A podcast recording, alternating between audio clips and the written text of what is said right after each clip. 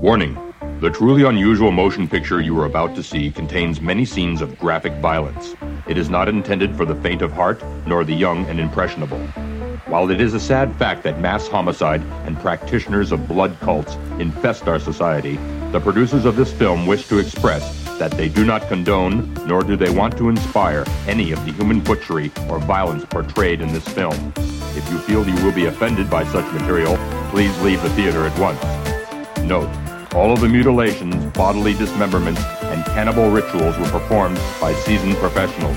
Please do not attempt any of these stunts at home.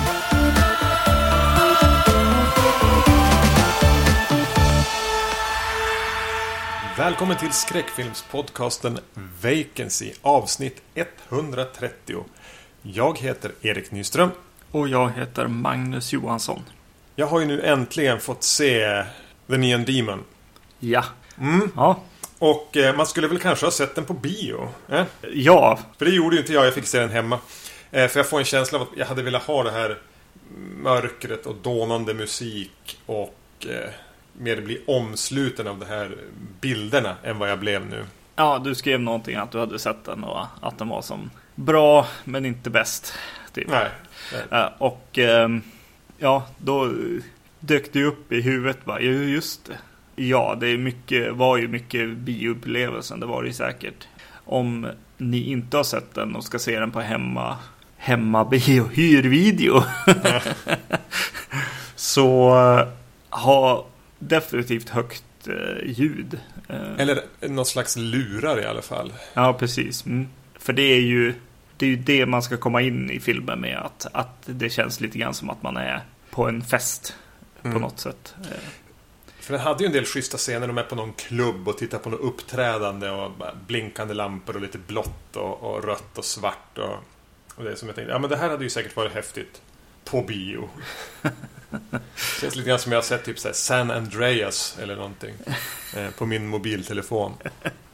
Men i övrigt så är det ju ändå, ja men här, rätt bra. Jag tyckte tematiken med, med ytligheten och, och modellvärlden kändes lite barnslig på något vis. Alltså att den hade någon lite gymnasie... Det var gymnasiedjup på den. Det kändes inte nytt och fräscht, det han eh, ville säga om det. nej, Och, och jag hade väl velat se att den skulle flippa ur mer sista 20 minuterna. Jag hade som förväntan mig att det skulle bli någon väldigt blodig galenskap. just det. Men Mm. jag tyckte den gick i samma lunk lite ungefär hela tiden. Ja, precis. Det tycker jag också ändå. För det var någon svensk recensent du, du eh, hänvisade till när du pratade om den som, som hade kallat den för typ en eh, studie i äckel eller någonting. Äckelrekord eller något sånt där. Ja. Ehm, Och då har man ju inte sett många filmer. nej, det har man verkligen inte. Typ Vänner och Neon Demon. Eh. Exakt. Eh, ja, nej, men jag kan inte säga så mycket mer än eh, vad du säger egentligen. Fast att jag hade ju en trevligare upplevelse definitivt och eh, Mm. gillar den skarpt. Men jag kan också förstå att så här, wow, att få se någonting sånt här på bio. Och så kommer jag hem och hör av mig till dig och bara, åh shit vad bra det var liksom. Eh, då kanske, ja, du läste in mer än vad det faktiskt eh, var. För det, eh, Mm. ja, som du säger, gymnasiedjup liksom. Alltså då tänker jag så här, eh, som svar på det på något sätt att så här, ja, det är ju en väldigt Dario Argento-doftande film. Och det är det ju på alla vis tycker jag. Även det. Ja. Kanske även i det han vill prata om tematiskt. Ja, precis. Ungefär det, det man kan förvänta sig av Dario. Mm, mm, lite så. Oväntat bra personregi. Han verkar ju vara bra på det, reffen. Ja, jag tycker att både, både Elle Fanning i huvudrollen är, är, är bra. Mm. Och var hon typ 16 här. Och även Gina Malone tycker jag är riktigt bra. Ja. Jo, precis. Och vad heter det? jag tycker även att hon eh, eh, eh, Hon är med i Fury Road också, Mad Max-filmen. Ja, en del av de här modellerna. Mm. Eh. Jo, används ju verkligen på ett bra sätt. Ja, precis. Ja. Eh, Visar på det här lite sorgliga hatet som, som finns i filmen på något sätt. Precis, det är den filmen. det är den filmen. Eh, snabbt bara. Vi är ganska dåliga på att uppmärksamma när vi får feedback från våra lyssnare. Vi, vi, vi, vi efterfrågar det men när vi väl får det så glömmer vi ofta bort att svara på det eller uppmärksamma det i, här i, i, i podden. Mm. Men nu fick vi ett mail bara här för några dagar sedan från en som heter Roger. Som eh, tipsade om eller föreslog eller vad man då ska säga eh, The Initiation. Mm. En häx-slasher. Som jag har på det. Jag vet inte om du har, om du har sett den? Nej, den har jag nog inte sett. Och ja, jag tycker definitivt vi ska eh, försöka se till att göra den här så snart som möjligt. Mm. Det blir nog inte i år, men det sa vi väl i och för sig om High-filmen också. Men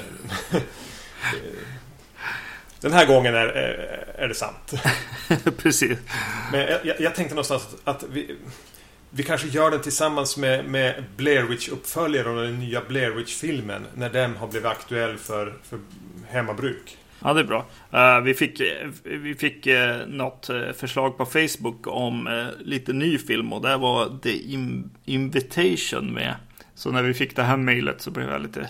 jag tänkte att det var en till förslag på The Invitation. Ja, precis. Jag blev lite förvirrad ett ögonblick och sen, sen läste jag faktiskt texten.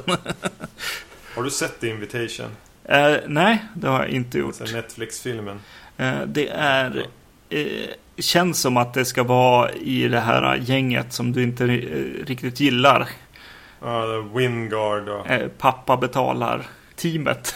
ja, Ty Wests kompisar. Ja. Det är de som har gjort eh, nya Blair Witch-filmen. Just det. Mm.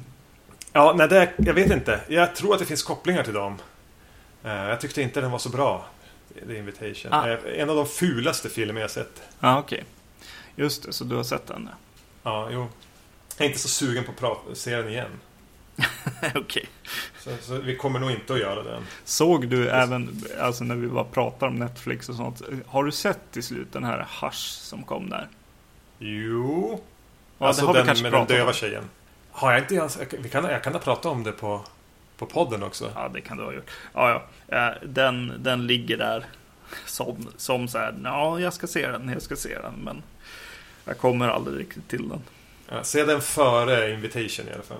Ja, Okej. Okay. Mm. Eh, men eh, nu har vi pratat massa nya grejer. Eh, och det är vi ju inte så vana vid. Så vi Nej. går tillbaks och i det trygga 80-talet. Eh, med lite bl blodig slasher-liknande saker. Om att äta människokött typ. Just det. Uh, vi ska prata om Motel Hell från 1980 och Blood Diner från 1987. Uh, båda, som du säger, lite om att uh, äta och servera döda människor. Mm. Trevligt, trevligt. Ja. Motel Hell från 1980, som sagt var regi Kevin Connor. Um, kretsar kring en Vincent och hans syster som driver ett motell och även gör eh, Smoked hams, tror jag de kallar det för. Med någon slags eh, beef jerky, alltså så här, rökt kött i alla fall. Eh, och han har en hemlig ingrediens, gissa vad. och den kretsar lite grann kring personer som kommer in i deras liv, bland annat en ung kvinna och en, en någon slags eh, boskapskontrollant och eh, annat löst folk. Och naturligtvis så, så är det bara en tidsfråga innan hans hemlighet kommer att avslöjas. Mm. Här är ju en film som alltså redan i titeln börjar så här, prata om Hitchcock. Även förtexten gör ju det i och med att det är en motellskylten här. Motel Hello heter de fast o eh, är lite dåligt där i neonskylten så att den, ja, den glappar. Stora glappar ja precis eh, vacancy-skylten eh, som hänger under motellskylten luktar ju också av Psycho då. Och det är någonting som är intressant för mig när jag börjar se den här filmen. För jag tänker på egentligen tre filmer här till att börja med i filmen. Och det är Psycho, det är Texas Chainsaw Massacre, fast med en ton av den här filmen Deranged. Mm. Alla de filmerna är ju Ed Gein inspirerade eh, saker. Mm. Det är intressant att du, att, du, att du nämner Deranged också. För min, ut, min, jag såg den här på DVD, är på en Midnight Movies eh, Double Feature tillsammans med Deranged.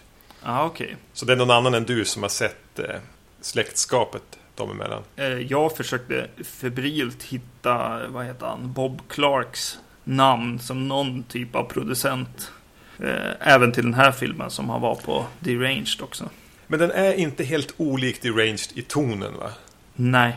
Utan den har det här ganska genuint berättade, alltså, en- en film som är intresserad av berättelsen och som har en, en eh, relativt tydlig underton av svart komedi. Mm.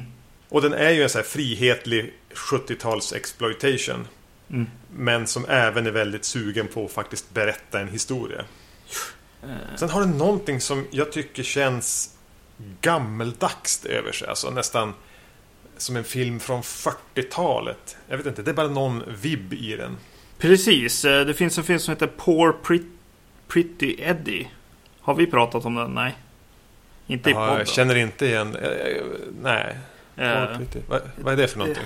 Det är en, en film om, om eh, en, en tokig en bordellmamma eller vad det är. Eh, och så kommer den här... Eh, ja, det, det cirkulerar runt, runt en, en eh, typ en bar med eh, mord och... Eh, alltså, den har väldigt mycket av den här tonen och är lite, lite tidigare än det här eh, film som... Ja, okej. Jag, jag, jag trodde att du hade sett den filmen. Eh, men men det, det var också en film som dök upp. Jag tror att mycket av den här känslan som du eh, pratar om är ju också kommer från Psycho-influensen. Mm. Men eh, framförallt i castingen eller, eller hur den här farmaren Vincent porträtteras av en gammal eh, typ cowboy skådis eh, sådär med Tänker en, en blandning mellan Chris Christopherson och eh, Ray Wise. Alltså han som spelar Leland i Twin Peaks. just det. D- De två tänkte jag på. I- Rory, Rory Calhoun. Ja. Jag tänkte att den här personen kanske inte, alltså skådespelaren kanske inte riktigt tyckte om vad de höll på med.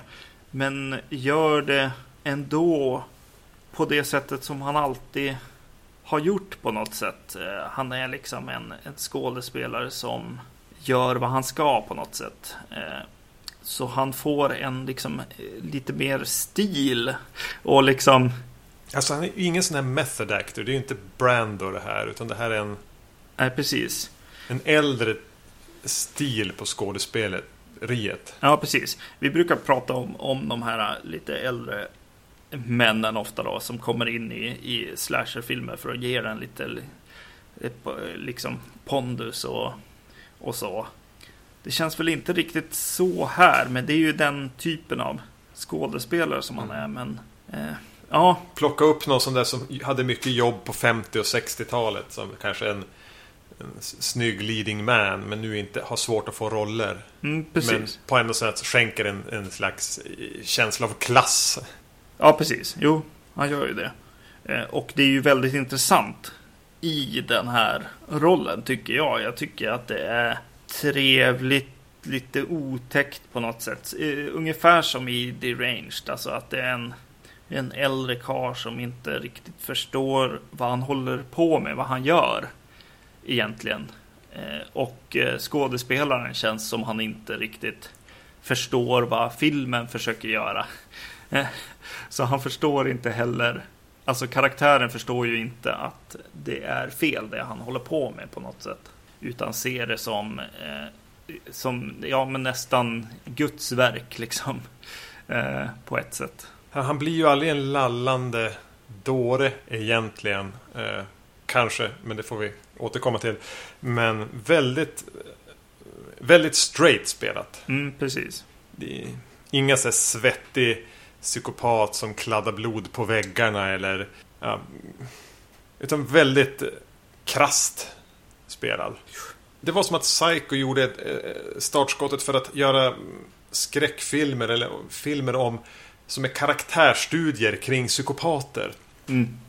Och sen i, i olika grad intresserar de sig för att berätta en historia om vilken uppfuckad barndom de hade eller vad det nu var som gjorde att de blev de här konstiga människorna och att obehaget ska finnas i själva personporträttet.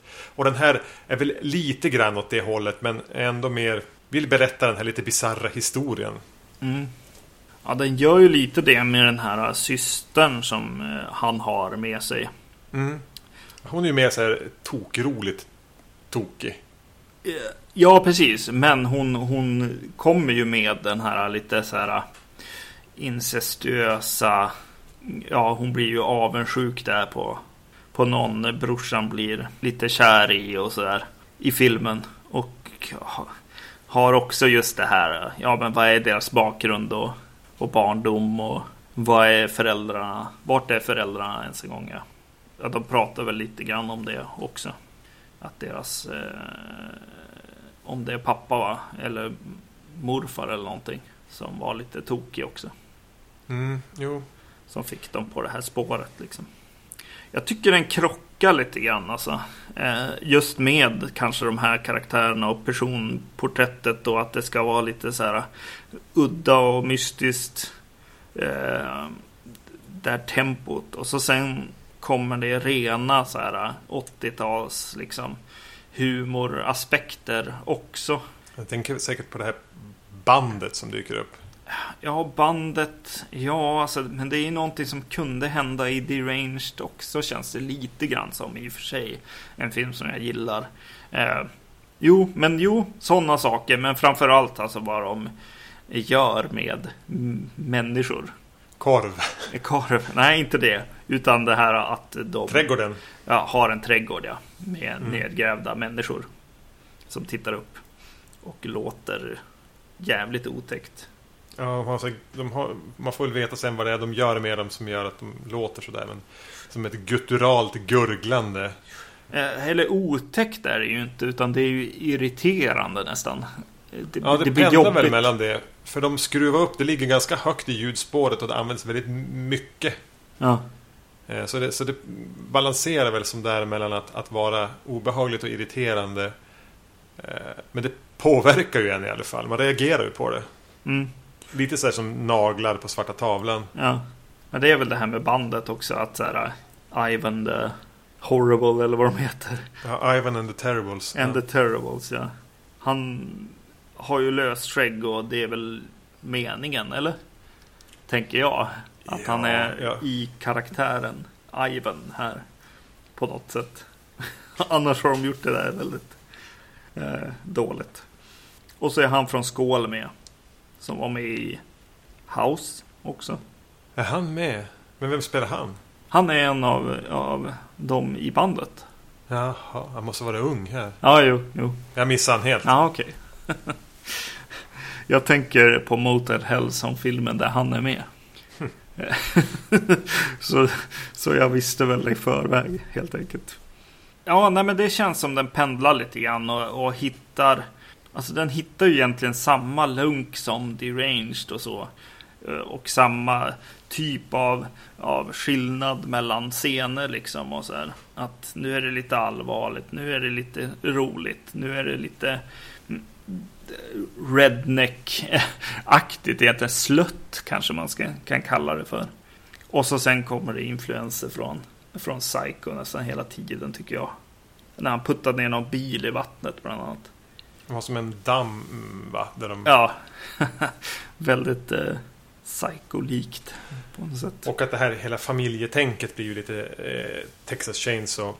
Mm, mm. Ja, och jag tycker de låter som ändå vissa scener blomma ut lite mer än vad de skulle behöva få göra. Och det kan jag nog tycka är en styrka med den. Ja, men det är någon scen med alldeles i början med några tvillingar. Jag tror de här är barn till några som har bott på motellet som bara irrar sig in i själva slakteriet som man har. Mm. Bara den scenen har något så här klassiskt mysrysigt över sig. Ja, jag satt hela tiden och tänkte att de här tvillingarna Det är ganska roligt att använda skräckfilmstvillingar med likadana kläder och, och, och gärna en ballong typ. Som eh, några i fara liksom. Ja. De där ballongerna är kvar i slutet också. Ja, jo, jag gillar det. Plus att, att det finns en är det en lillebror till, till Vincent här som är sheriff. Mm. Eh, och den här unga kvinnan som kommer in där, hon, han blir förtjust i henne de hinner gå på en dejt. Mm. Där de eh, så här, tjuvtittar på drive-in eh, bio med kikare. Ja. Och ser någon sån här gammal eh, 50-tals eh, sci-fi. Mm. Det var här, också att de lät hela den scenen ta plats. Alltså, de försöker som bygga upp att han är förtjust i henne. Ja. Också Återigen, bara, det jag gillar med den att den, den tar sig ändå tid att berätta vissa saker. En, en gullig dejt. Även om den inte är gullig hela vägen igenom. Men Mm gör att det, för mig, det är lite oförutsägbart riktigt vart alla spår ska ta vägen. Jag har sett den tidigare men jag mindes väldigt, väldigt lite. Mm. Eh, den, den, den har ju verkligen hela, hela kroppen i, i drive-in kulturen på något sätt. Eh, den här filmen. Det är ju verkligen en drive-in eh, film på något sätt. Och därav får man en, en känsla av ännu mer 70-tal än Fredag den 13 som kom samma år. Ja, jag tror den här hade en- inspelad tidigare också. Att den tog lite tid att få komma ut. Den var inspelad sig 78 eller något. Ja, bara när de, eh, när de ställer någon sån här ljushypnosanläggning framför de här eh, människorna. Ja, för, som, som någon slags smärtlindring. Ja, precis. Och eh, han säger att de ska få vara, ta del av en radical hypno high. Eh, det, och så sen så här blinkar det så mycket att man själv som, som tittare ska bli lite orolig att man ska bli påverkad av det här. Eh, eh, jag, jag, jag är ju lite svag för sånt. Jag tycker att det 70-tal hippieflummet. Ja, precis. Eh, Så jag, jag var ganska nöjd med den scenen, definitivt. Ja. Och det går att plocka ut ganska mycket enskilda små scener som man... an- Man kan alltid hitta lite grann i den här som man tycker om. Mm. Kanske trädgården där eller... Eller den där scenen eller... Eh, ja. jag kommer inte på några fler. Mm. Alltså att den är lite grann som en godispåse där man kanske inte har valt alla godisar själv. Utan man får plocka ut dem. Men helheten blir lite jämntjock. Mm. Småtrög. Ja, Men ändå att jag kan trivas i det här berätta, berättarlunken som den har. Ja det Utan att, utan att någonsin tycka det är fantastiskt. exakt. Exakt, jo, så är det ju. Eh, Jag tycker... Jag blir så irriterad att jag känner som jag känner för den här filmen när jag ser den. Att så här, ah, det är lite segt. Alltså, vem ska jag... Vem skulle jag rekommendera den här till? När? När under så här tre, tre filmers eh, skräckkvällen ska jag visa den här liksom? Den har helt enkelt lite problem eh, med kanske inte tonen utan kanske tempo på något sätt ändå. Ja, Jag tycker att den, den hade behövt i vissa avseenden mer lyskraft för att bli den film den någonstans har potential att vara. Mm. Den hade behövt några fler originella idéer. Lite mer bara umf. Precis. Och, För att lyfta sig ur det här som, som bara pågår. mm, mm, precis. Och ibland när den, när den eh, tar i och ska bli så här lite, lite tokrolig liksom. Då faller det som platt på ett sätt också. De, de här, den här sexleks eh, eh, paret som dyker upp liksom. Ja, nej usch, det fungerar ju inte Det alls, funkade ju inte alls. Antingen behövde man liksom eskalera filmen där eller liksom ja, bara tagit bort det. Det känns inte som att det ja, det, det, det funkade inte liksom. Ja. Sen är det nog en till grej som jag tänker på när jag ser den här filmen som jag eh, sitter och grubblar på lite grann. Och det är ju det här med människoköttsgrejen. Det är ju en spännande liksom rädsla. Finns det en rädsla för, för det och vad är det de pratar om egentligen? Eh, ligger det någon slags skuld, skuldkänsla i att vi äter faktiskt levande eh, varelser och det kunde lika gärna ändå ha varit en människa liksom. Vem vet egentligen? Och så den här konstiga kittlande tanken som de försöker så hela tiden i, i sån här typ av film där människokött ändå blir det som är det man helst vill ha. Det är ju för att vara lite äckliga gissar. Eller ja, men pro provocera med att det är faktiskt gott. Det är väl det de vill säga. Ja, precis. Just det. Jag tror bara det är en alltså, ex exploitation ingrediens. Alltså det händer så väldigt ofta i film. Är det någonting som, som folk tror händer liksom. Är det som, eh, som hästkött i köttbullarna på Ikea liksom? Att det kanske, ja i det fallet är det ju en verklig sak, men att det är en liten vandringssägnen. Ja, att den försöker komma åt något sånt här som det alltid har berättats om. Precis. Lite grann som Wendigo-myten som var i den här Ravenous. Wendigo-myten som ju är liksom en gammal, gammal indiansägen som på något sätt ska avskräcka folk från att äta människokött. Ja. Eller handlar det om, är det bara så här spökhistoriestoff? Ja. Finns det en moral i det eller är det bara någonting som instinktivt triggar någonting hos, hos... Ja, precis. Jag tycker att det är så intressant att just... Ja, ja, men som sagt, det kanske är någon slags spänning i att tycka att det är godare också, liksom nästan. Ja, eh, vi kommer väl kanske ännu mer till det eh, mm. med våran nästa film. För att avrunda den här, det jag mindes från att ha sett den först, jag mindes vagt alltså grundkonceptet. Men det som eh, satt kvar i mitt medvetande då, det var ju eh, finalen. Mm.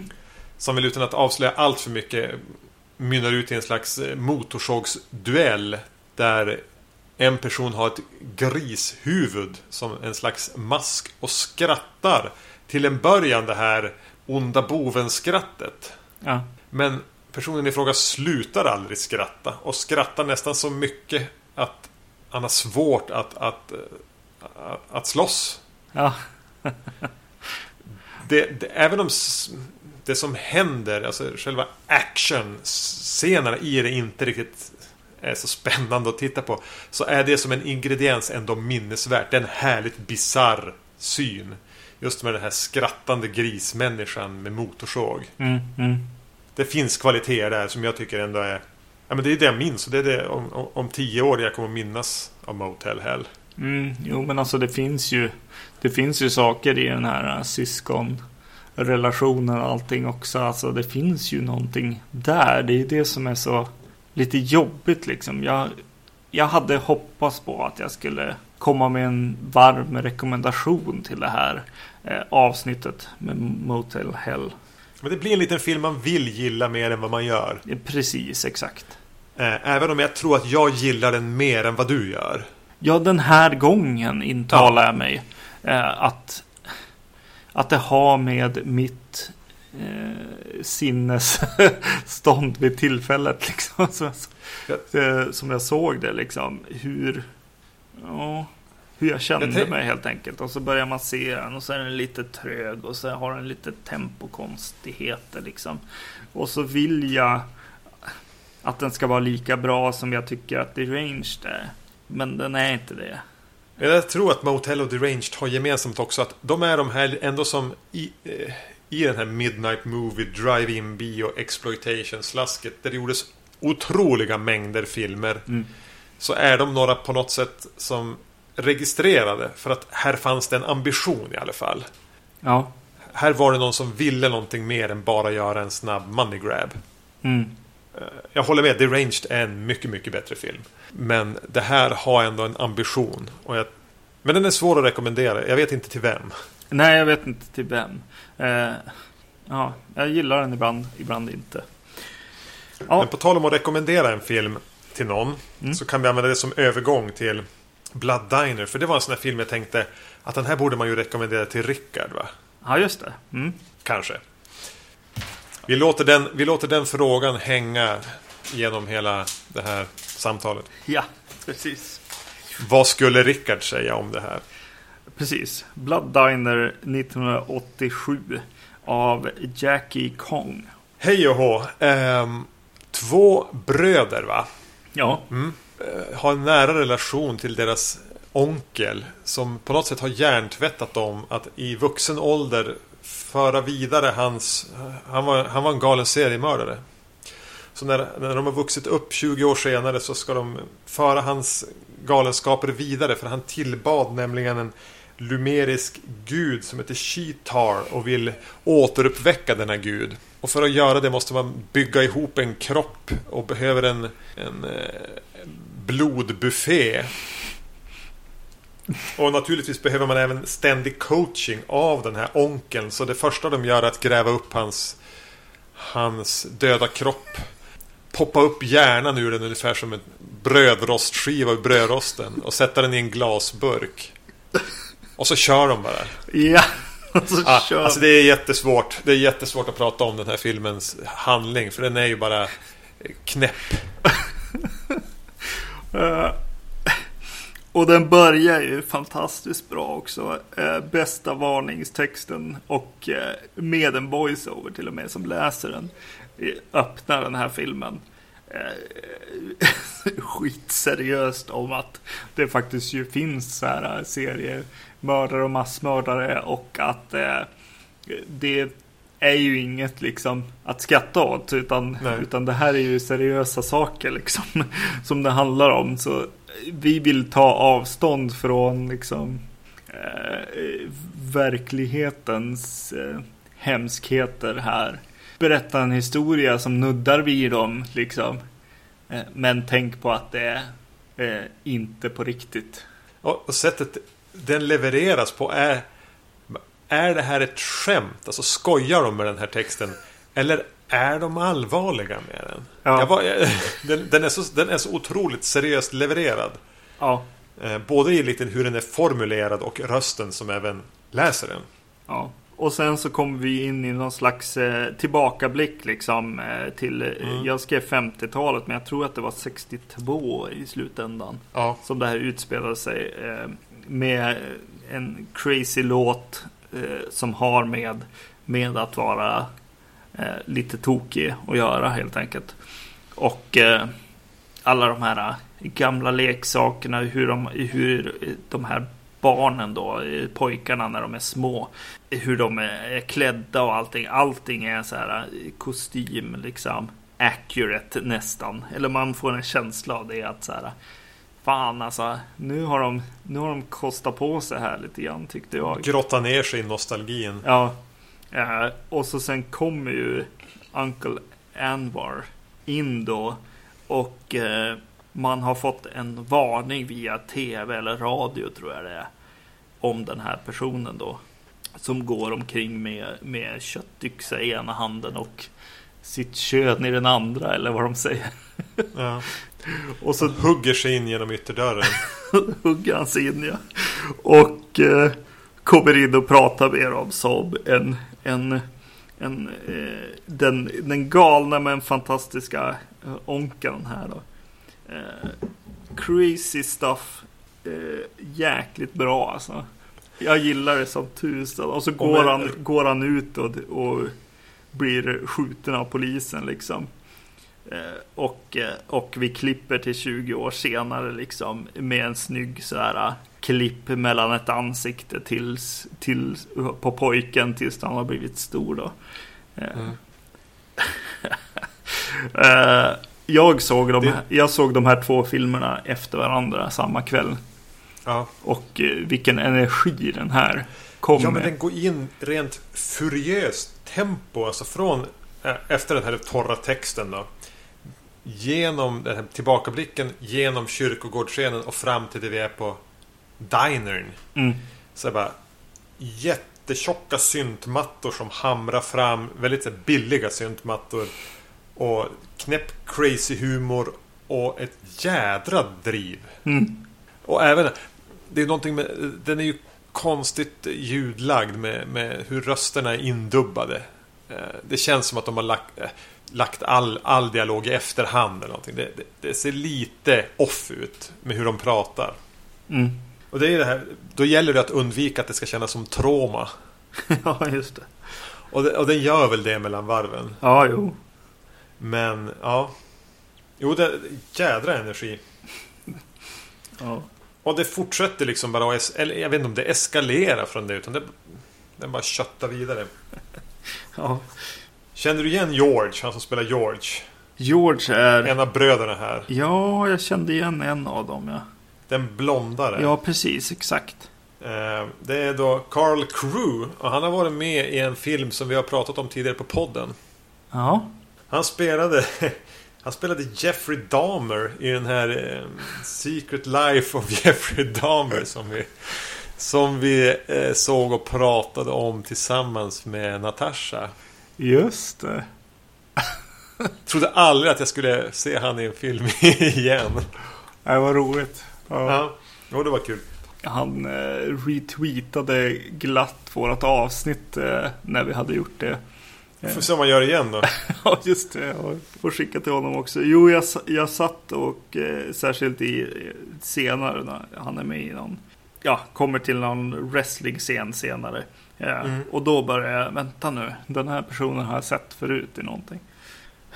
Det, Ja, alltså, alltså efter den här, den här starten liksom och varningstexten, den här eh, ganska så här trogna fast lite överdrivna liksom bak, bakåtblicken. En, en riktig sån här som man gillar liksom barndoms eh, eh, skräckupplevelse på något sätt. Trauma helt enkelt. Eh, som är ja, men Men- nästan vad heter den, eh, Slumber Party Massacre. I hur, hur stor den är eller eh, vad heter den då? Eh, The Boogeyman har väl något sånt också. ja, fast med en liten twist också då. Ja, Ja, men man tror ju att, att den här ba- ba- tillbakablicken som den börjar med ska vara ett trauma för dem. Och de gömmer sig när den här hugger sig in genom dörren. Och rusar in med liksom så här blodig skjorta och galen uppsyn. Och så var Uncle Anwar. precis. Och så att de har någonting gemensamt, eh, barnen och han ändå. Eh, men sen då, alltså jag skulle aldrig tro efter, efter det att de skulle börja prata med en, en talande hjärna liksom. Nej, Eh, som ber dem att bygga ihop eh, en kropp till gudinnan Cheetar. Cheetar, ja. Det är ju fantastiskt. Och den Och här... ha en, en diner. Så de är ju på något sätt filmens hjältar och skurkar de här bröderna. Mm. Där de, det är en väggrestaurang som blir omåttligt populär. Ja, precis. Men de är ju inte riktigt vägg. Nej. Eller? Jag, jag hade svårt att lyssna på dialogen. Jag brydde mig inte så mycket. Jag bara tittade. Jag lyssnade inte riktigt. Jag förstod inte alla, alla intriger. Eh, där brukar det ju skiljas mellan oss. Liksom, att, att jag kanske kommer och förklarar. Liksom. Men det kan jag tyvärr inte göra här. Särskilt eh, med dinern. Eh, jag hade... Det tog lång tid innan det var en vegetarian liksom. Mm. eh, eller veganställe liksom i mitt huvud och så och ännu lite längre till att så här, eh, gör de verkligen det man tror att de gör liksom att de eh, ja serverar människokött som ju är temat här då. Uh -huh. Det är så oklart varför de har en diner. För det de vill är ju att komma åt unga kvinnor som de kan använda kroppsdelar från för att bygga ihop den här Cheetar då. Menar, eh, uråldriga riter ska väcka till liv. Eh, om de använder den som en front bara för att kunna jobba i bakgrund, där bakom. Eller om de har sett till att bli populära för att kunna locka till sig unga kvinnor. Det är väl aldrig glasklart. Eller så är det det. Det var det att jag inte riktigt hängde med. Nej. Nej. Och sen sticker den ju iväg i små stickspår hela tiden. De har någon som älskar att vara, som tycker om maten, som är en stor, kraftig, skäggig kar. Ja, Eh, som de envisas med att hoppa på och slåss med hela tiden. ja precis. Eh, det, är ju, det är ju han eh, här ena brorsan som är väldigt, väldigt intresserad av eh, wrestlingen som går på tv. Eller snarare så blir han ju engagerad ut över gränsen liksom på något sätt. Han blir aggressiv direkt han, han ser på, på wrestling liksom. Två gånger flyger han på den här stackars stamkunden i alla fall. Ja, på grund av det också för att eh, stamkunden vill, vill inte se den där skiten och så försvarar han wrestling där. Eh, alltså det är ju så bra. Och på den här dinern hela tiden så spelar de typ 50-tal så här doo-wop pop. Mm. Och det utgör väl ganska mycket av soundtracket i hela filmen. Och så, alltså, ja. Och allt de ska ha tag på till den här gudinnan liksom. Att de ska ha lite så här. dirty women typ. Mm. det, det, ska, det ska inte vara plugghästen direkt. Nej. Utan de ska vara lite, lite slampiga och, och sådär. Så då får de att nosa upp en massa nakna aerobics-tjejer. Just det, precis. Eh, som typ tränar inför att vara strippor eller någonting i slutändan. Ja, tror ju väl de liksom. Det är väl det som eh, indikeras tycker jag i alla fall. Så de sparkar liksom in dörren där de är och, och mejar ner dem med, med ett automatvapen. Mm. Så, den, så den, den är ju våldsam på ett väldigt, väldigt cartoonish sätt. um, och det är ju bara regnar ju kroppsdelar hela tiden.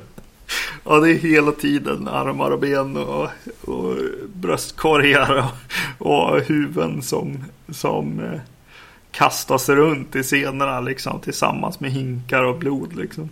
Och de gör ofta en ganska stor grej av att visa poliserna som kommer dit och, och får försöka här, samla ihop allting.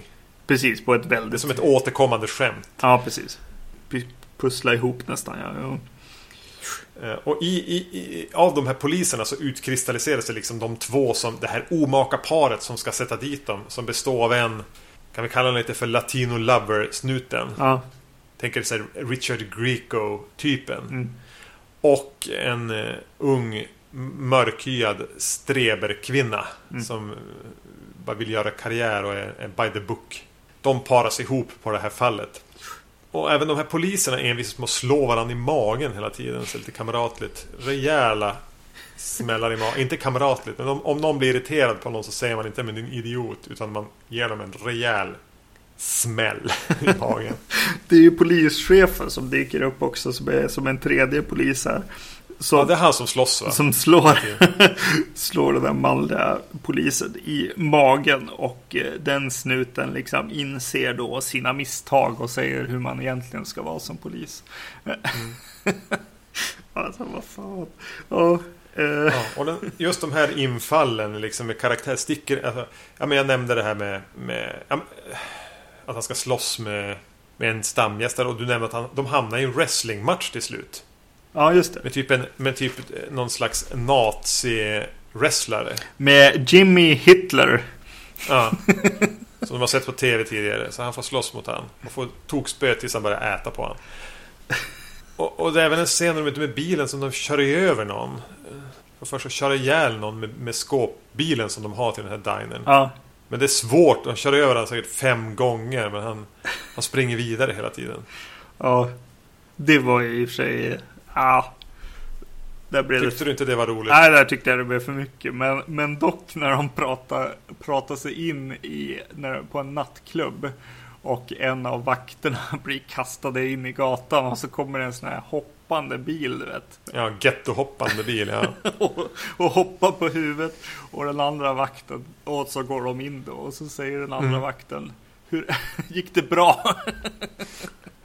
Och man får nästan känslan av att det kanske gjorde det. Ja, precis. Jo, förmodligen. ja. Det var någon annan scen jag tänkte på nu som, som, som jag ville nämna i, i lite i förbifarten. Ja, det, de, de, har någon slags... Jag tror att han... Eh, allting jag har att säga om den här filmen bara med jag tror att... För jag har inte riktigt lyssnat. Jag har som haft ett behagligt förhållningssätt. Jag har zonat in och ut i filmen. Mm. Jag tror att han är, det är någon som vill åt deras framgång. Så han kidnappar den här eh, hjärnan med ögon i en burk, eh, onkeln. Ja. Eh, för att på något sätt få, få, få hjälp med att laga till god mat. De får för att hämta tillbaka han. Mm. Och, och, då blir det något sånt, de hugger av han armar och, och ja. kroppsdelar. Och han försöker köra därifrån och mest bara arg på dem. Med halva armar. Halva armar, blodet sprutande. Och någon bisarr scen med någon kvinna som är ute och hånglar med någon kille på en strand. Ja. Och de får först att ta henne så de ska slå ner han och sen ta henne.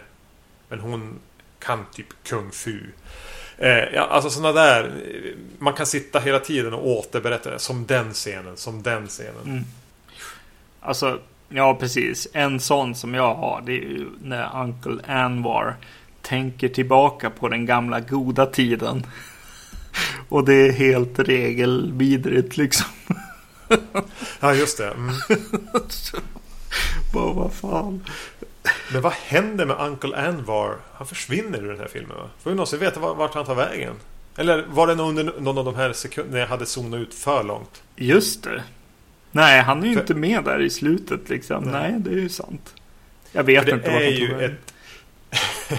ett återigen, eh, parallellen till Motel Hell. Fantastiskt crescendo på den här filmen. Ja, det är det. På en nattklubb där vi dels har ett band som spelar som är någon slags postpunk slash punk rockabilly neonazis. Ja, vad bra. ja. Eh, spelar live. Mm. Eh, och, och, och musiken under den här scenen utgörs liksom av deras musik och så ganska hårda klipp till någon slags eh, symfoni. Förmodligen en känd symfoni. Det känns verkligen som ett stycke. Någon ödesmättad symfoni.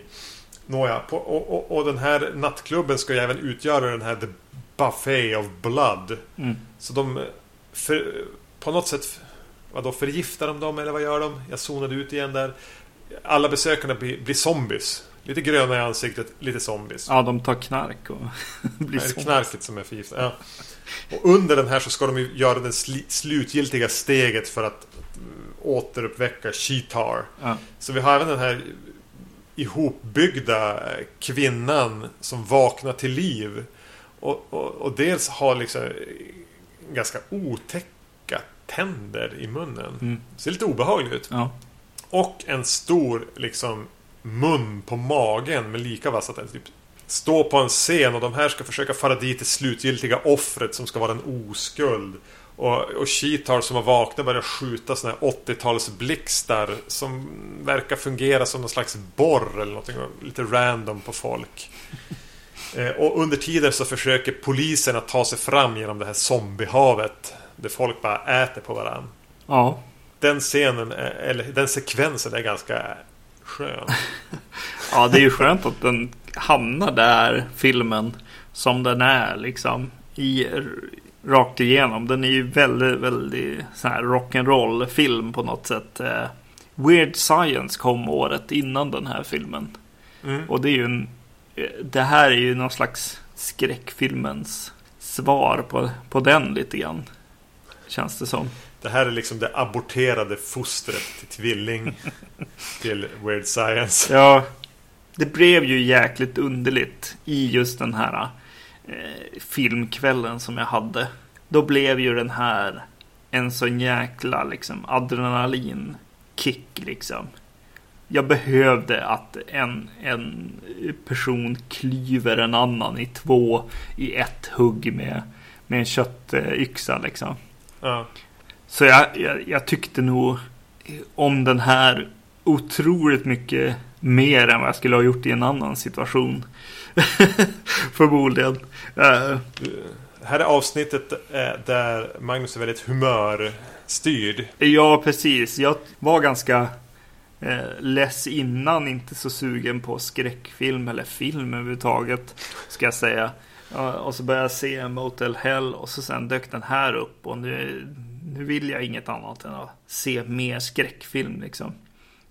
Det känns som en, en definitivt en film som man ska se på det där tre filmers skräckmaratonet. Eh, någon kväll med vänner liksom. Mm. Eh, det, någonting, någonting så här vedertaget, klassiskt. Som, som alla gillar, men som man kanske själv tycker är lite tråkigt. Man ser Omen eller något sånt. Och så ser man den här. Och så sen ser man den där man favoriten på något sätt. Dark Water avslutar man med. Ja. Kvoter. Man, man gör skräll med, med första Dario Argento-filmen. En av hans skräckisar. Opera eller Suspiria. Ja. Ja, Jag kan tänka mig att eh, många skulle hata den här också. ja, alltså jag är ju rädd att du gör det. Nej men det gör jag ju inte. Eller, ja, men jag hade ju det här sköna. Jag hittade ju ganska, och det var väl tur. Förhållningssättet där jag bara gled in och ut i den. Ibland så såg jag den och, och, och, och bara, men vad fan är det här för skit? och så kunde jag glida ur den och ta upp och kolla. Alltså så här, ja, men vad, vad hade regissören här, Jackie Kong, gjort mer? Ja men någonting som heter Night Patrol. Night Patrol, det känns bekant. Har jag sett den? Hon har gjort något som heter Bee. Ja. ja, och så in i filmen och bara, nej men fan vad häftigt, en hjärna i en burk. um, och, och de bara slår varandra i magen hela tiden. Och så tappar jag intresset för några sekunder och sitter och tänker på vad jag ska liksom flyttstäd eller någonting. Och så går jag in i den och bara nu kör han över en kille upprepade gånger. Vart kom det ifrån? Och så där pågår det liksom hela tiden. Att jag zonar in och ut i den och hamnar i ett härligt tillstånd. Att jag har hela tiden ganska trevligt. Ja. Och det är väl, jag menar, både du och jag är ju som här tragiska jävla som sitter och ser filmerna ensam hela tiden. Den här är ju gjord för att du ska se den tillsammans med några. Ja. Och, och, och, och, att det är okej okay att liksom prata hockey. Eller prata om hur man nu ska, skulle göra med det där erbjudandet man hade om att få en, en annan tjänst på jobbet. Eller bara gå och hämta mer öl. Under filmen. Mm. Den är ganska kort också. Den är väl så 88 minuter eller någonting.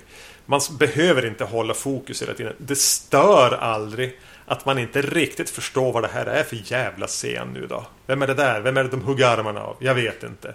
Man låter det bara pågå. Ja, precis. Ja, men den är ju för dum. Och eh, därav så är den lite över analys eller liksom den här lite uppnosiga recensionen på något sätt. Ja. Vad vill den här prata om? När den här alltså, mannen som, som har tagit sin, sin tjej till en, ett konstigt ställe. Hon var lite rädd för att hon vet ju att det är någon ute och döda liksom. Och så kommer ju mördaren och mördar henne. Och han själv har blivit eh, liksom eh, avsvimmad, vaknar eh, vid bara eh, hennes kroppsdelar liksom. bredvid och, eh, och hans liksom hysteri runt det liksom. Det är för dumt liksom för att inte tycka om det på något sätt också. Mm. Uh, ja, jag, jag gillade jag hade... den här filmen när jag såg den den här gången. ah, jo. Ja, Det är nog en humörfilm. Ja. Eh, men jag, jag, kunde ändå känna att det här hade varit en film jag hade varit väldigt stolt om jag hade gjort. Alltså det är vissa filmer eh, Det är klart jag hade varit jättestolt om jag hade gjort Psycho Eller vad fan som helst Men det här är en film som är så knäpp och, och har så mycket infall och ändå berättar en liten historia som gör att Men det här hade jag velat gjort. Mm. Det här är knäppt och, och kreativt. Ja. Jag hade velat gjort det här. Mm. Eh, den väckte den tanken hos mig. Det är varje film. Ofta är det de här infallsrika knasfilmerna som kan vara ganska dåliga egentligen som gör det. Mm. Visste du att det här var tänkt ursprungligen som en uppföljare till till Herschel Gordon Lewis Blood Feast? Nej, nej. De, de tänkte det när de ska, Jag såg den för massor med år sedan. Jag tror att den har lite det här halvegyptiska gudatemat eh, i sig. Men, men någonstans i manus så, så klippte de det för de tyckte att det här är så bra. Vi behöver inte haka fast vid den. Men vad säger du då? Kommer Rickard, skulle Rickard gilla Blood Diner? Ja, alltså han var ju lite svår för att han, han kommenterade ju och eh, chockade med att inte riktigt gilla den här rock'n'roll rock'n'roll mördaren, borrmördaren i Ja, Slumber Party Massacre 2 va? Ja, precis. För det är ja, så vi blir... ser på honom. ja, som den mördaren. um... Exakt. Så vi får se. Han kommer väl kommentera. Jag ser fram emot det med spänning. Ja. Vill du slå ett slag för ditt Instagramkonto? Ja, jag heter Zombie Magnus på Instagram. Eh, det brukar vara vad jag inhandlar eh, i skräckfilmsmässigt sådär. Eh, lite grann när jag ser någon film och sådär. Så det går att titta på och kommentera. Ibland, ibland lite barn. Ibland kommer det lite barn och lite dataspel eftersom att jag jobbar med det.